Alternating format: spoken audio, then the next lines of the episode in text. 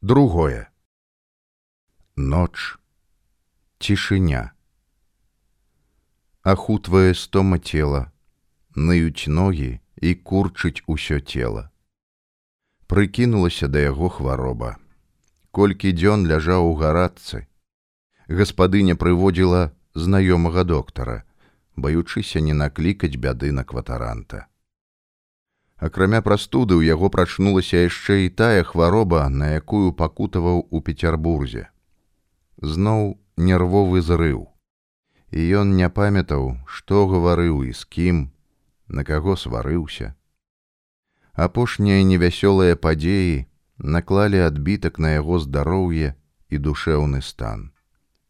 Нікога не бачыў не чуў. Адно махаў руками адбіваючыся ад некага то пагражаў, то ўмольваў не чапаць каханую, а то зноў абураўся на няўважлівасць тых, хто рабіў яму балюча. А перад гэтым наведваў то адну кватэру, то другую. Ведаў, што за ім палююць царскія шпікі, стараўся не трымацца на відавоку. У памяці галасы, воклічы, ціхія патаемныя перашэптванні. Вельмі ж хацелася, каб прыйшла да яго марыська, яму б адразу стала лягчэй, але ён не мог сябе прымусіць, каб ёй перадалі яго запрашэнне. Проста не меў на тое права і за ёю маглі сачыць. Хвароба трошки адпусціла, лягчэй стала дыхаць і не так кружылася галава. Колькі ён праляжаў у беспрытомнасці, колькі прайшло часу з таго моманту, як зваліўся ў ложак, што адбылося за гэты час. На якой я цяпер кватэры. Каліноўскі агледзеў пакой, успамінаючы, калі ён перабраўся сюды. Так, дом на зарэчнай вуліцы. Маўклівая гаспадыня не задае ніколі ніякіх пытанняў. Прыходзіў цемначы да яго Юзаф Каліноўскі закранула за жывое размова. У душы кастусь згаджаўся з ім, ведаў, што таварыш гаворыць шчыра і ад душы, але ўнутраны голас пратэставаў, не даваў схіляцца да сяброўскага папярэджвання. Зразумей, Канстанцін, далейшая барацьба і змаганне безнадзейныя. Ты сам сябе падвяргаеш небяспецы, табе неабходна з'язджаць з вільні, і прытым неадкладна. Ты маеш рацыю, мой сябра. Але існуюць у жыцці такія рэчы, якія не падуладныя чалавечаму разуменню. На сёння можа і падыходзіць твоя парада, Але як яна будзе выглядаць праз 10, 50, 100 гадоў. На мяне ўскладзены абавязак. Мяне паклікала рэвалюцыя, а вы абралі мяне быць яе правадыром і таму прынятае агульнае рашэнне я не магу самавольна адмяніць. Нічога ўжо не можа памяняцца, таму і вільню я пакінуць не магу. Сябра маўчаў, хмурыўся. І Мілевіч і астатнія сябры раяць табе скарыцца ўраду і пакінуць дзейнасць, якую прапісаў жонт. А ты сваёй уладай павінен вызваліць ад прызначаных пасадаў усіх асоб, якія лічацца ў арганізацыі. І ніхто цябе не папракне. І сумленне тваё будзе чыстае. Усе табе даруюць кастусь дарагі наш рыцар свабоды воляй абраны. Канстанцін кісла перакрывіўся тварам. А бог? Бог мне не даруе што не да канца давёў сваю місію. І бог даруе мой дарагі сябра Таму ўсе агулам просім і заклікаем: Уратуй сваё жыццё і жыцці астатніх, хто не ведае сёння змагацца далей ці скласці галаву пад рулямі царскіх жаўнераў. Ды я сам сабе таго не дарую, глуха прамовіў, амаль перайшоўшы на стогн дыктатар паўстання. Нахмурыўся, не глядзеў ужо на сябра, зацяўся ў сваім рашэнні як скамянеў. Доўга яны яшчэ спрачаліся ў той вечар. І то нават не спрэчка была, абодва мелі рацыю. арыштаваны паўстанцкі цывільны начальнік ковенскага ваяводства Людвік Дчкоўскі. Ён жа Людвік у прысутнасці спецыяльна падасланага мураўёвым вешальнікам палкоўніка Шылгунова расказаў усё пра паўстанцкі цэнтр у вільні. Адкуль ведаеш? Следчы паведаміў маёй знаёмай. І што ён адкрыў ім спадар Юзов. Яго словы, галоўнае праўленне літвы зразумела існуе ў вільні і на сённяшні час абмяжоўваецца толькі ўпаўнаважаным камісарам літвы і яго сакратаром што вынікае з атрыманых апошніх папер а хто займае галоўную пасаду мне невядома мяркую што хто-небудзь з прысланых з варшавы. На пасадзе ж сакратара наколькі я магу меркаваць па почырку вікенцій каліноўскі. Ці ўжо можа быць што каліноўскі ёсць сам камісар у такім выпадку сакратаром у яго цытус далеўскі. Акрамя таго дзічкоўскі выдаў вядомыя яму віленскія яўкі куды наведваўся ты і далеўскі. 8 жніўня на явачнай кватэры ўдавы паэта сыракомлі пры ўдзеле правакатара арыштаваны цытус далеўскі Божа мой Дыктатар ведаў, што ўдава слыннага паэта Паўліна Кандратович жыла ў скапуўцы у доме шышкі. Колькі месяцаў далеўскі пад прозвішчам парфіяновича жыў на рудніцкай вуліцы ў доме свянціцкай, на кватэры ў грагатовічаў. Кватараваў яе раней і ён, кастусь. З ёю жыла Юзефа Грагатович, яе дачка Марыя, а таксама пастаянна жыла ў іх дзяўчына браніслава сідарович і вось што яшчэ. У тым жа ковенскім павеце непадалёк ад мястэчка вількі на беразе нёмана арыштаваны рэвалюцыянер антанас мацкевічус і пакараны смерцю а ў вільні на лукішскай плошчы павешаны ігнацій зданович што далеўскі далеўскі трымаўся мужна. Мураўёву следчая камісія па выніках следства данесла наступнае. Нягледзячы на ўсе яўныя доказы самага цеснага знаёмства і супрацоўніцтва з Канстантінам маецца на ўвазе з табой. Далеўскі аб стасунках сваіх з ім і аб месцы яго знаходжання нічога не выказаў. А нядаўна часовы палявы аўдытарыят пры штабе войска ў віленскай ваеннай акругі разгледзеў справу віленскай рэвалюцыйнай арганізацыі. Аўдытарыят прыйшоў да заключэння, што неабходна працягваць пошукі з мэтай прыцягнення цябе да крымінальнай адказнасці. Дзе цяпер цытус? Юзаф уздыхнуў, падышоў да акна, за якім распласталася шэрая ноч, прамовіў глуха. На лукішскай плошчы спынілася яго жыццё. Расстралялі. Цытус цытус, дарагі мой сябра, даруй мне, што не ўбярог цябе ад царскай кулі.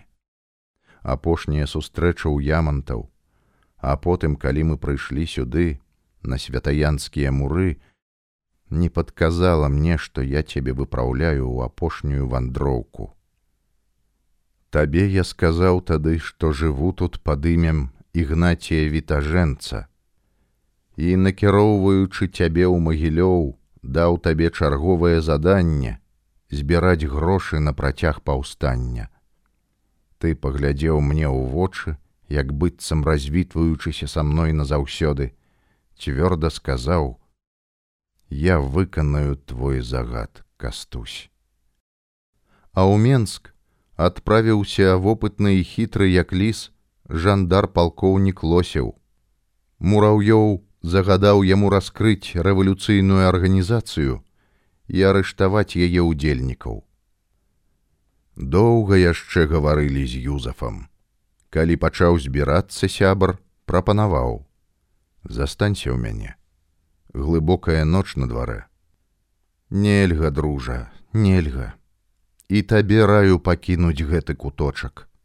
Не выключана, што ўжо ведаюць пра гэты адрас. Будзе асцярожны. Добра, буду. Сябры моцна абняліся. Мо з гадзіну прайшло, як Юзеф пакінуў кватэру, а яму чамусьці не спалася, хаця была ўжо глыбокая ноч. Растрывожыў душу сваімі паведамленнямі сябр. Так, добрая вестка з варшавы.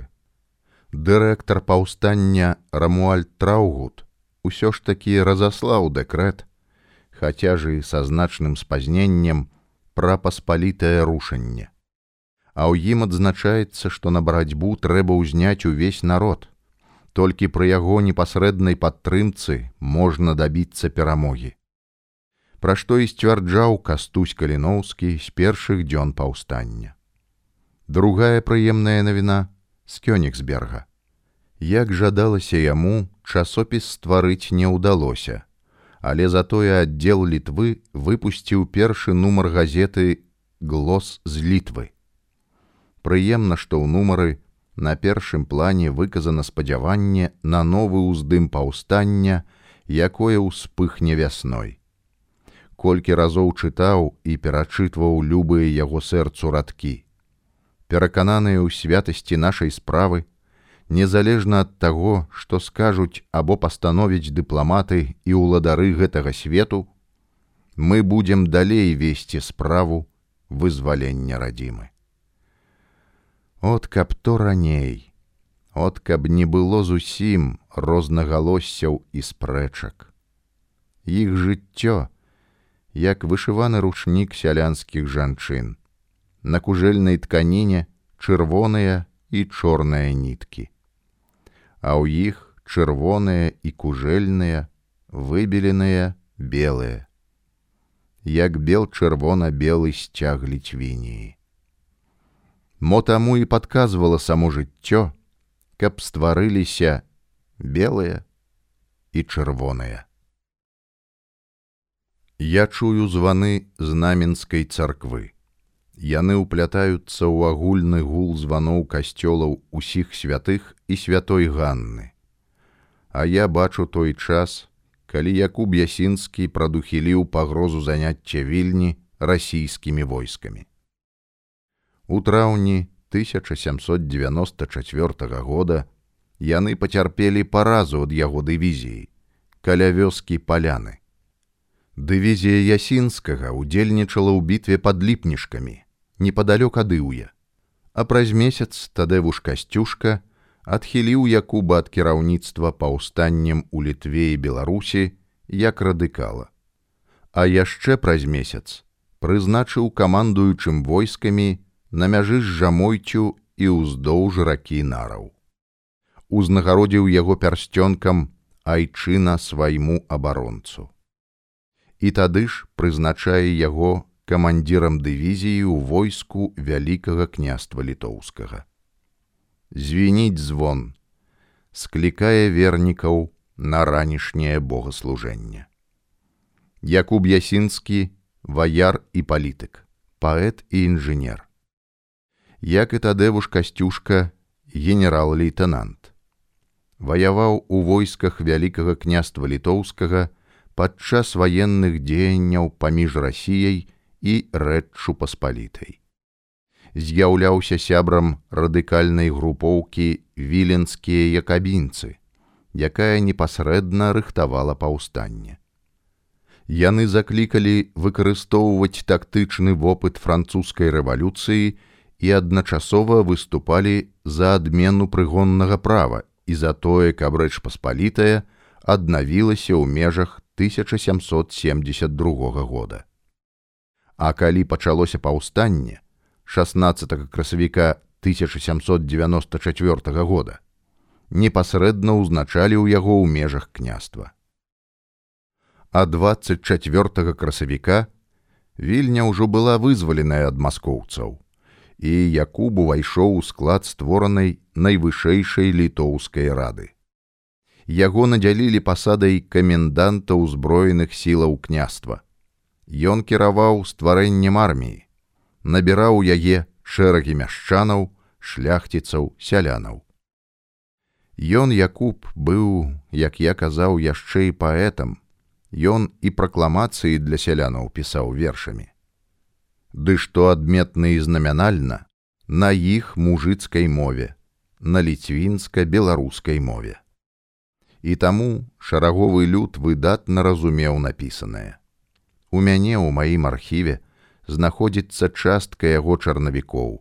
Запісаў яго паэмы спрэчкі цянця я не толькі вучыўся ў яго пісаць а і вучыўся жыццю загінуў выдатны паэт сябар і паплечнік тэда абараняючы прагу шмат якіх дакументаў захоўваецца ў нашых архівах мы іх вывучаем аналізуем Яны сустрэліся ў парку на ўскраіне вільні. Паціснулі адзін аднаму руки, селі на лаўку ў зацішку старых ліп. Сярэдзіна траўня. Ужо бярозы выпусцілі першыя ліпкія лісцікі, і іх абуджальны пах вітаў у паветры. Усё дыхала жыццём, трывожным прадчуваннем немінучага. Кастусь глядзеў, у засмучаную далеч маўчаў. Што скажаш, разам. Замест адказу заблоцкі ўзнёсла прамовіў. Якое хорошае надвор'е, праўда? Так, ранняя вясна ў гэтым годзе. Для нашай справы гэта добра. Так, добра. Ты ж ведаеш, што атрад духінскага і рублеўскага уступіў у бой з царскімі войскамі. Яны знаходзіліся каля вёсак валілы і саколда, што ў беластоцкім павеце. Змагаліся мужна, паказалі сваю сілу і імкненне перамагчы, але дыктатар уздыхнуў, павярнуўся да сябра, паглядзеў яму ў вочы. Тое, што людзі духінскага, пацярпелі паразу пад саколдаю. Можа і не так страшна, як паспелі абвясціць расійскія газеты. Але кепска другое. Няўдача адмоўна падзейнічала на шараговы народ, які браў удзел у паўстанні. Але спачуванне да нашай святой справы не згасла. Нехта кашлянуў непадалёку ад іх і разам міжволі азірнуўся. Усё так кастусь. Горш другое. Атрады зыгмунта сяракоўскага таксама доўга не пратрымаліся. Тры дні мужна змагаліся касінеры, паказалі, што могуць процістаяць царскай сіле. Але серакоўскі трапіў у палон. Шкада, вельмі шкада. Шкада і тое, што замест віленскага генерал-губернатара Назімова прыбыў новы галоўны начальнік краю мураўёў. Крыважэрная асоба, бязлітасная, хаця лічыць сябе дзекабрыстам. У яго неабмежаваныя паўнамоцтвы. Дык як заўтра едем? Так, нам неабходна тэрмінова правесці рэвізію дзейнасці як паўстанцкіх уладаў, так і самой арганізацыі. У якія паветы паедзем? у слонімскі, дзе пад мелавідамі знаходзяцца атрады палкоўніка Александра Лянкевіча і ў ваўкавыскі. Ды заадно і да бацькі твайго ў якушоўку завітаем. А то ты даўно праведваў родных.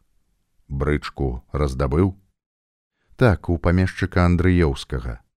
Я буду чакаць цябе каля касцёла святой Алены а шостой гадзіне. Добрая разум. Да заўтра і першым падняўся з лаўкі. Разам доўга глядзеў яму ўслед, думаючы пра сваё.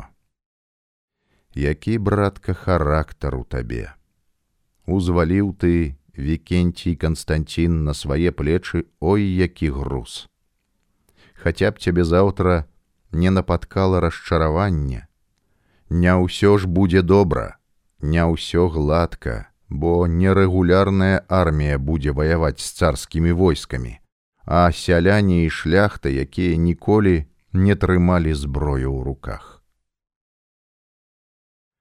Ноччу ліў дождж, таму дарогі раскіслі, скрозь калюжаны. але коні спраўна цягнулі брычку. Заблоцкі не падганяў іх, ведаючы, што рызыкоў на тое рабіць, ашчаджаў і коней і брычку. Дыктатар найбольш маўчаў, хмурыўся. Разм стараўся не назаляць яму гутаркай, бо перад гэтым даволі падрабязна пра ўсё пагаварылі. Спачатку завіталі да памешчыка спірыдовіча. Ён аказаўся дома.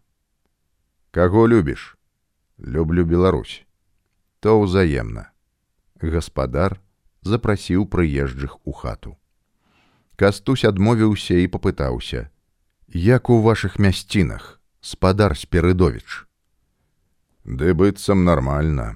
Зброю ўсю не падвезлі, але карчмар вонзель заўтра паабяцаў даставіць па прызначэнні. Як у атрадзе з дысцыплінай? Па-рознаму. Большасць дысцыплінаваная, але ёсць і такія, якім хочацца пагуляць у вайну. Вось вам інструкцыі, А вось мужыцкая праўда. Прачытайце людзям. Гэта добра, што вы газетку прывезлі. З ёю лягчэй гаварыць з народам.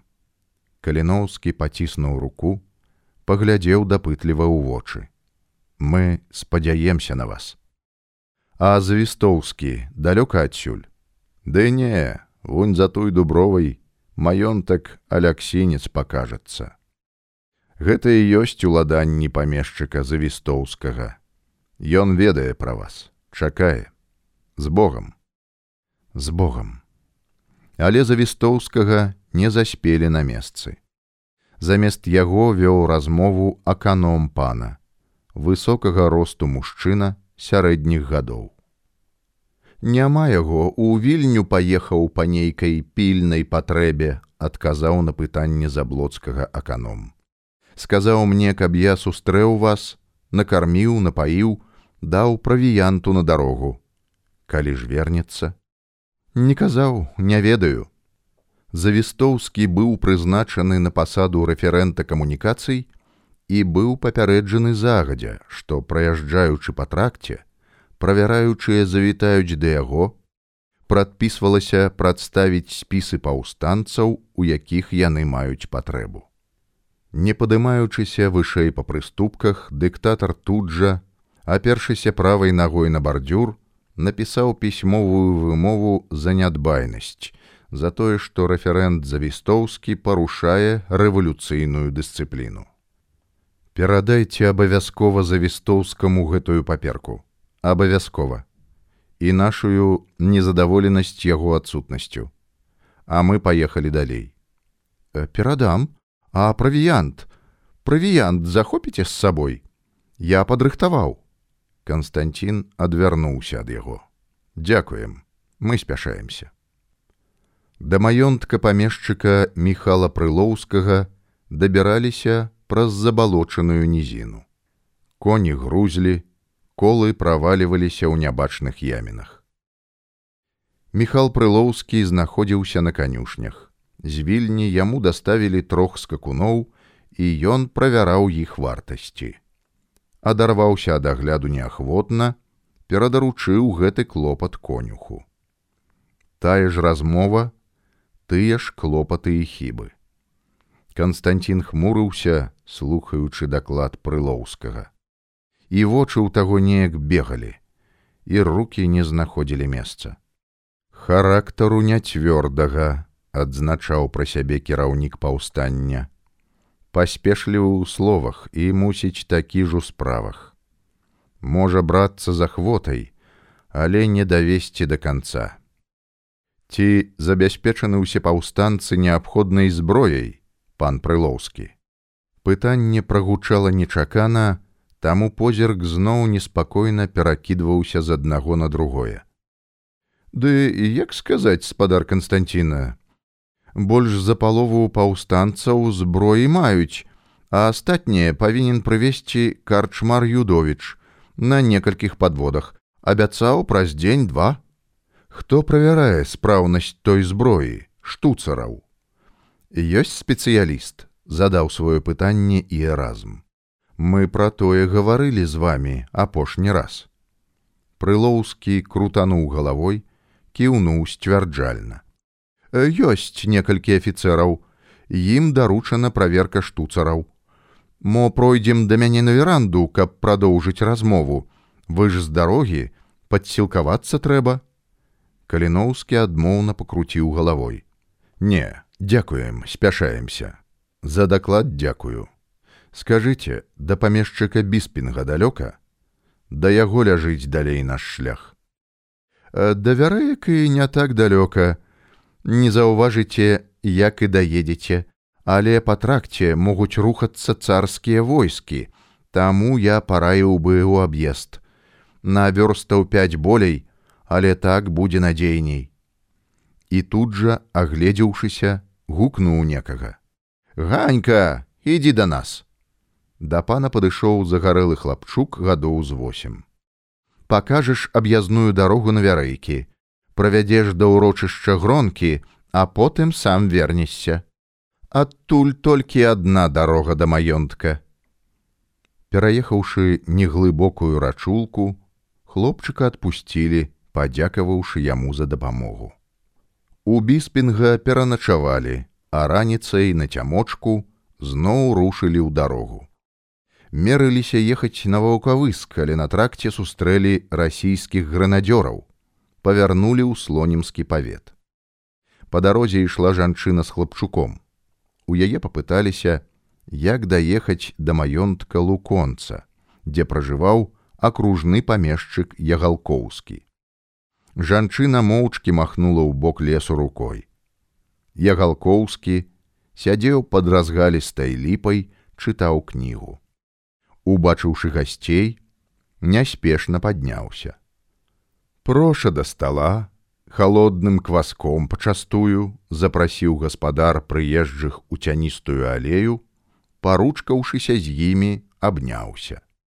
Ведалі добра адзін аднаго, паважалі, час праверыў яго вернасць, і яны былі радыя запланаванай сустрэчы. З задавальненнем згадзіўся адразу Канстанцін. Але ёсць просьба, неабходна тэрмінова паклікаць да нас памешчыка Язэпа стравінскага. Добра, зразумеў. Вы праходзьце на летнюю веранду, а я распараджуся паслаць пастравінскага. Пакуль чакалі прыезду Язэпа, Ягалоўскі паказаў рэвалюцыйнаму камісару гродзенскай губерніі Вкенцію Канстанціну Каліноўскаму неабходныя паперы і дакументы. Вось спіс людзей, якія ўліліся ў паўстанцкія атрады. Вось пералік зброі, якой не хапае. Мясцовы каваль нарабіў шмат дзідаў і мячоў, але гэтага недастаткова. Не хапае коней, не хапае вазоў, вяровак, сякер. Паціху неабходнае звозіць вазніцу ў мае патаемныя склады, але хацелася б больш. Ваяваць, не касой махаць падчас касавіцы. Каліноўскі ўважліва вывучаў паперы, задаваў пытанні, удакладняў. Разам назіраў за тварам рэвалюцыйнага камісара, адзначаў, што дыктатар ужо не такі раздражнёны, як перад гэтым. Згарнуўшы паперы, вярнуў гаспадару, параіў: Хаваеце ў надзейнай схованцы, А як жа. Недзе праз гадзіну прыехаў на брыдцы і Язэп стравінскі. Каго любіш? Люблю Беларусь, тое ўзаемна. У вачах зацікаўленасць, радасць сустрэчы.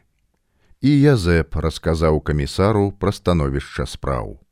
Не ў ружовых колерах, гаварыў на чысціню, асабліва не скардзячыся на слабую дапамогу з боку мясцовай шляхты, але ж і не хвалячыся тым, што ўдалося дасягнуць. Пасля даклада каліноўскі звярнуўся да яго. Спадар Язэп, мяне ўпаўнаважылі прызначыць вас павятовым слонімскага павета. Думаю, што абавязкі для вас зразумелыя, інструктаваць не трэба. На апошнім пасяджэнні ў гродні вы падрабязна пра гэта расказвалі. Якія пытанні будуць да мяне, якія пажаданні, шаноўныя спадары? Пажаданне адно, спадар рэвалюцыйны камісар, Дай Божа нам сілы і моцы, дай Божа. куды далей? Да памешчыка арды. Яго праведаем. Замест арды даклад трымаў яго ўпраўляючы якаў свяшынскі ад імя свайго гаспадара попрасіў прабачэння за яго адсутнасць. Па справах паўстання знаходзіцца ў варшаве. Дастаў са скураной сумкі паперы падаў каліноўскаму. Я ведаю пра ўсе справы і бяру ўдзел у паўстанні. Калі што незразумела з папер растлумачу на словах. Тлумачэнні не спатрэбіліся. Кастусь і эразм засталіся задаволеныя. У маёнтку гародня памешчыка свяржынскага заспелі памешчыка керсноўскага. Свяржынскі прапанаваў затрымацца паабедаць, але каліноўскі адмовіўся, загадаў адразу ж ехаць усім разам да керсноўскага. У яго і абгаворым нашыя справы, а потым адразу разам рушым у паўстанскі лагер. Колькі вёрстаў будзе ад вас? 5-6? Меней, вярсты стры. Рушылі. Час не чакае. Маёнтак вярэйкі належаў пану Канстанціну Тарасовічу. На ганак выйшаў сярэдніх гадоў мужчына. Барада ніяк не хавала яго ўзрост. Наадварот, надавала выгляду і паставе куды маладзейшыя гады. Стаяў, чакаў, калі прыезджыя падыдуць да яго. Каго любіш, пане Канстантин, люблю Беларусь, то і ўзаемна. Трымаўся з годнасцю, паважна, ведаючы, хто прыехаў да яго і з якой мэтай. Вікенцій застаўся задаволеным сустрэчай.